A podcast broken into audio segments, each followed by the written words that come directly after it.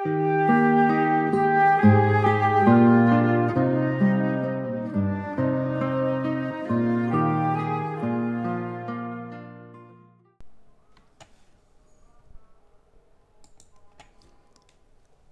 kita berdoa. Bapa yang Maha Kasih kami mengucap syukur. Sepanjang hari ini Engkau telah menyertai setiap karya, aktivitas, dan rutinitas kehidupan kami. Dan sebelum kami mengistirahatkan tubuh ini ya Tuhan, kami akan kembali membaca dan merenungkan sabdamu.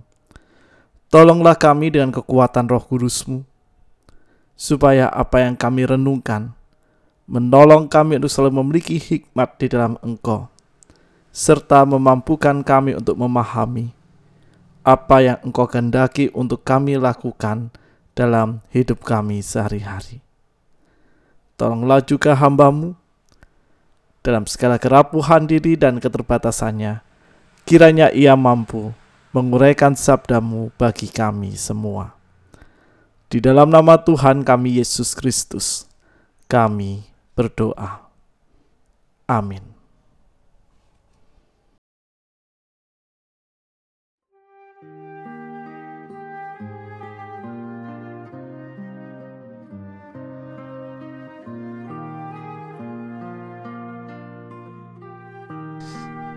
Saudara-saudara yang terkasih di dalam Kristus, Perenungan kita pada kesempatan malam hari ini berjudul Menumpuk bara api di atas kepala memberi kehidupan. Pembacaan firman Tuhan ada dua bagian. Yang pertama dari Kejadian 33 dan bagian kedua dari Roma 12 ayat 20. Mari kita persiapkan bacaan kita yang pertama Kejadian 33. Yakub pun melayangkan pandangnya, lalu dilihatnyalah Esau datang dengan diiringi oleh 400 orang. Maka diserahkannyalah sebagian dari anak-anak itu kepada Lea dan sebagian kepada Rahel serta kepada kedua budak perempuan itu. Ia menempatkan budak-budak perempuan itu beserta anak-anak mereka di muka, Lea beserta anak-anaknya di belakang mereka, dan Rahel beserta Yusuf di belakang sekali. Dan ia sendiri berjalan di depan mereka dan ia sujud sampai ke tanah tujuh kali hingga ia sampai ke dekat kakaknya itu. Tetapi Esau berlari mendapatkan dia, didekapnya dia, dipeluk lehernya dan diciumnya dia, lalu bertangis-tangisanlah mereka. Kemudian Esau melayangkan pandangnya, dilihatnyalah perempuan-perempuan dan anak-anak itu lalu ia bertanya, Siapakah orang-orang yang beserta engkau itu? Jawab Yakub, anak-anak yang telah dikaruniakan Allah kepada hambamu ini. Sesudah itu mendekatlah budak-budak perempuan itu beserta anak-anaknya, lalu mereka sujud. Mendekat juga Lea beserta anak-anaknya, dan mereka pun sujud. Kemudian mendekatlah Yusuf beserta Rahel, dan mereka juga sujud. Berkatalah Esau, Apakah maksudmu dengan seluruh pasukan yang telah bertemu dengan aku tadi? Jawabnya, untuk mendapat kasih Tuhanku. Tetapi kata Esau, aku mempunyai banyak adikku, peganglah apa yang ada padamu. Tetapi kata Yakub, janganlah kiranya demikian, jikalau aku telah mendapat kasihmu. Terimalah persembahanku ini dari tanganku, karena memang melihat mukamu adalah bagiku serasa melihat wajah Allah dan engkau pun berkenan menyambut aku. Terimalah kiranya pemberian tanda salamku ini yang telah kubawa kepadamu, sebab Allah telah memberi karunia kepadaku dan aku pun mempunyai segala-galanya. Lalu dipujuk-pujuknya lah Esau sehingga diterimanya. Kata Esau, Baiklah, kita berangkat berjalan terus aku akan menyertai engkau. Tetapi Yakub berkata kepadanya, Tuanku maklum bahwa anak-anak ini masih kurang kuat dan bahwa beserta aku ada kambing domba dan lembu sapi yang masih menyusui. Jika diburu-buru satu hari saja, maka seluruh kumpulan binatang itu akan mati. Biarlah kiranya Tuanku berjalan lebih dahulu dari hambamu ini dan aku mau dengan hati-hati beringsut maju menurut langkah hewan yang berjalan di depanku dan menurut langkah anak-anak sampai aku tiba pada Tuanku di Ser. Lalu kata Esau, Kalau begitu, baiklah aku tinggalkan padamu beberapa orang dari pengiringku. Tetapi aku berkata, tidak usah demikian. Biarlah aku mendapat kasih Tuanku saja jadi pulanglah Esau pada hari itu berjalan ke Seir. Tetapi Yakub berangkat ke Sukot, lalu mendirikan rumah dan untuk ternaknya dibuatnya kupu-kupu. Itulah sebabnya tempat itu dinamai Sukot. Dalam perjalanannya dari Padan Aram sampailah Yakub dengan selamat ke Sikem di tanah Kanaan, lalu ia berkemah di sebelah timur kota itu.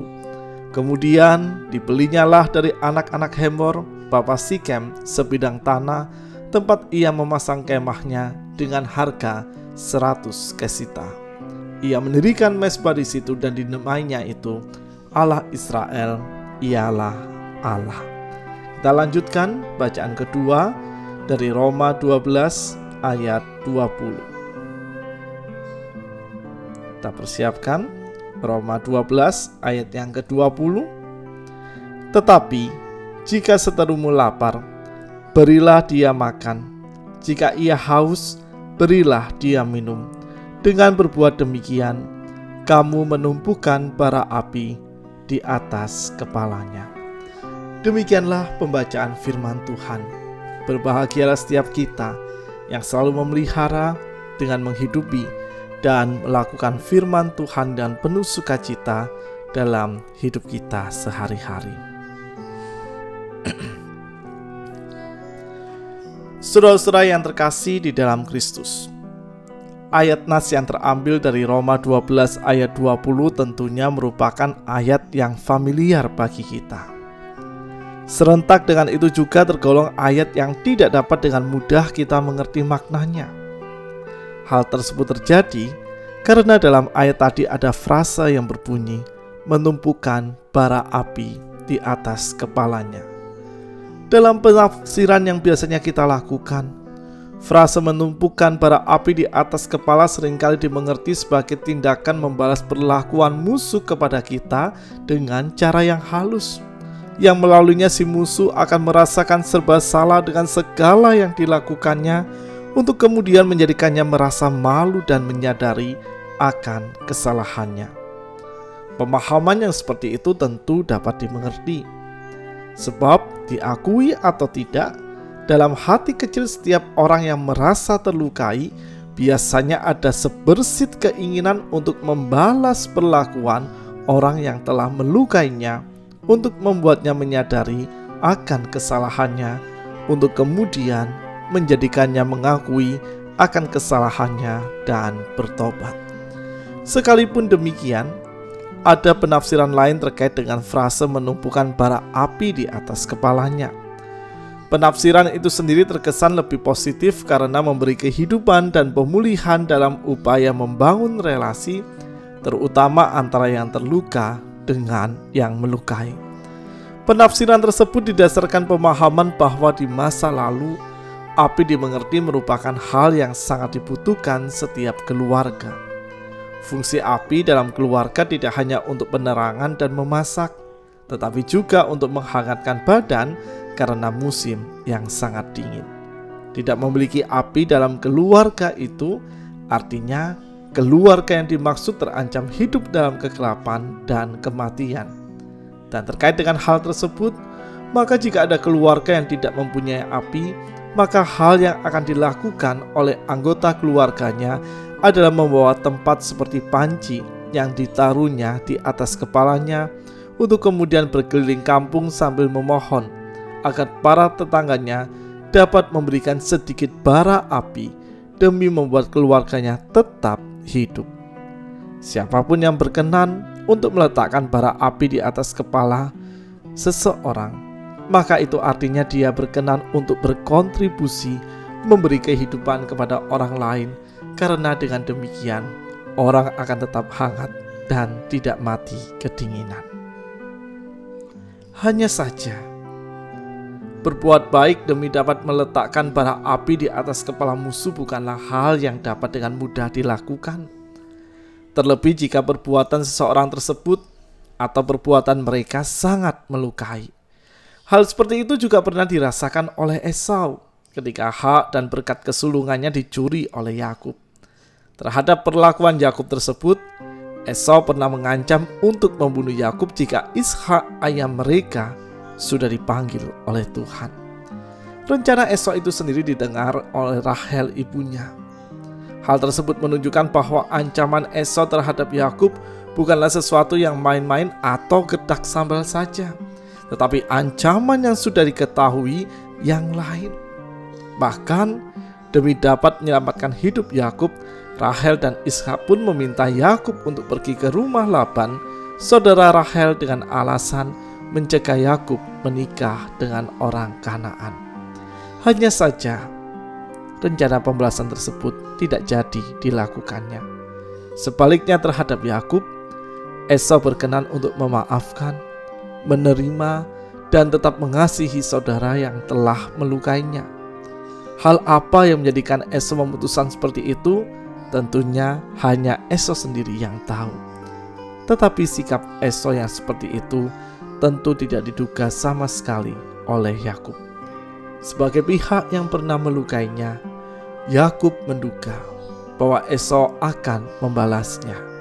Bahkan demi mendapatkan belas kasihan dari Esau, Yakub pun sempat menyusun rencana tertentu saat harus berjumpa dengan Esau.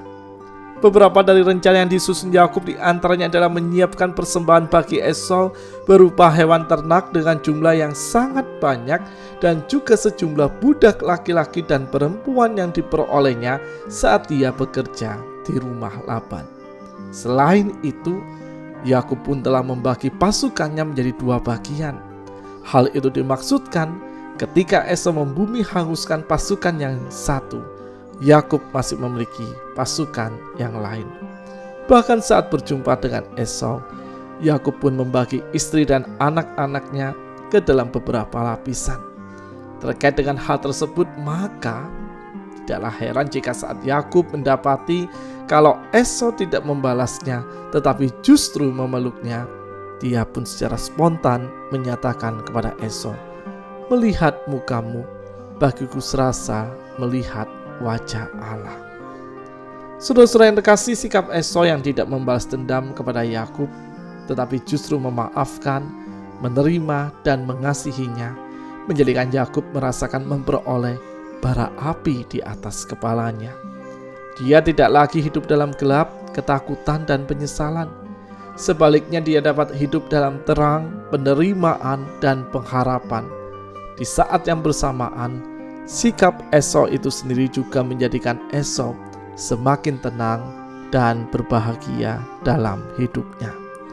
Saudara-saudara yang terkasih, pertanyaannya sekarang adalah, apakah pengalaman yang dirasakan oleh Esau karena dilukai oleh saudaranya sendiri juga pernah kita alami? Tentu kita sendiri yang dapat menjawabnya. Sekalipun demikian, jika kita memperhatikan pemberitaan di berbagai media massa dan media sosial, kita mendapati ada banyak keluarga yang terluka karena satu sama lain saling menyakiti. Ada ibu yang diterlantarkan oleh anaknya. Ada anak yang menggugat ibunya karena pembagian warisan. Ada orang tua yang kehilangan anaknya karena dibunuh oleh kerabatnya. Ada anak yang terenggut masa depannya karena diperkosa oleh ayah tirinya, dan masih banyak kasus yang lain. Luka hati yang dialami oleh para korban tersebut memang bukanlah sesuatu yang dengan begitu saja mudah untuk dilupakan, tetapi bukan berarti relasi di antara mereka tidak dapat dipulihkan. Sikap yang diperlihatkan oleh Esau kepada Yakub merupakan salah satu contohnya. Esau memilih itu tidak Esau memilih tidak hidup dalam dendam dan pembalasan.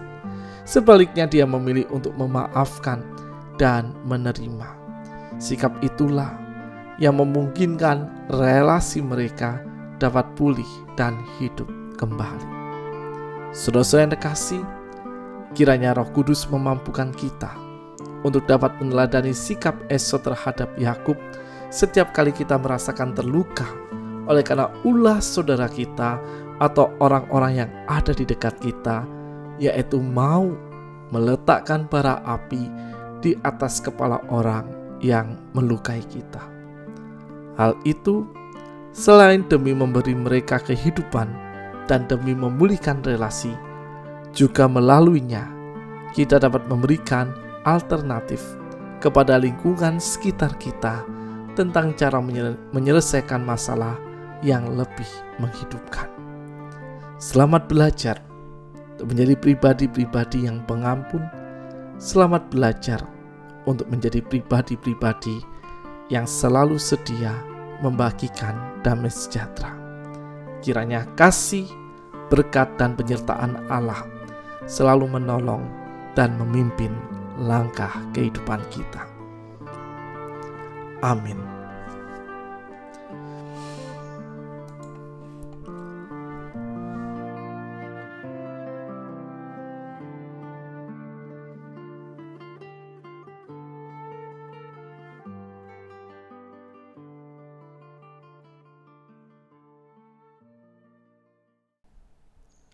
Mari kita berdoa.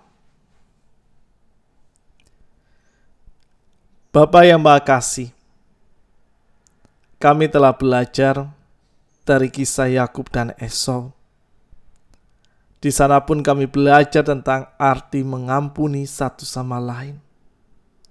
Juga kami belajar untuk selalu menyatakan kasih, meskipun kerap kami mengalami keterlukaan hati dan hidup dan kerap keterlukaan hati dan hidup itu semakin menyayat hati dan kehidupan kami, membuat kami kadangkala terjatuh pada sebuah sikap untuk enggan membagikan pengampunan dan cinta kasih-Mu. Kami menyadari itulah kerapuhan diri kami ya Tuhan. Tetapi kami pun beriman dalam kerapuhan diri itu, Engkau terus memberikan kesempatan kami untuk dapat menunjukkan tentang pengampunan kepada orang-orang yang pernah melukai kami, juga menolong kami untuk selalu yakin dan sadar bahwa di dalam segala proses yang kami lalui, kasih-Mu menjadi kasih yang utama dan paling pertama yang harus terus kami wartakan di dalam hidup kami sehari-hari. Oleh karena itu kami terus berserah di dalammu ya Tuhan. Kami memohon kiranya kekuatanmu yang akan membuat kami tetap konsisten untuk membagi kasihmu di tengah segala situasi dan kondisi yang kami hadapi. Sesaat lagi kami akan beristirahat dan mengistirahatkan tubuh kami Kiranya kasih perlindunganmu yang akan selalu menjaga dan menolong jam istirahat kami sepanjang malam ini. Agar esok hari ya Tuhan, dengan kekuatan yang baru, yang Engkau anugerahkan, memampukan kami kembali menjalani segala aktivitas dan hidup kami sehari-hari. Di dalam nama Tuhan kami Yesus Kristus, kami berdoa dan kami berserah di dalam Engkau. Amin.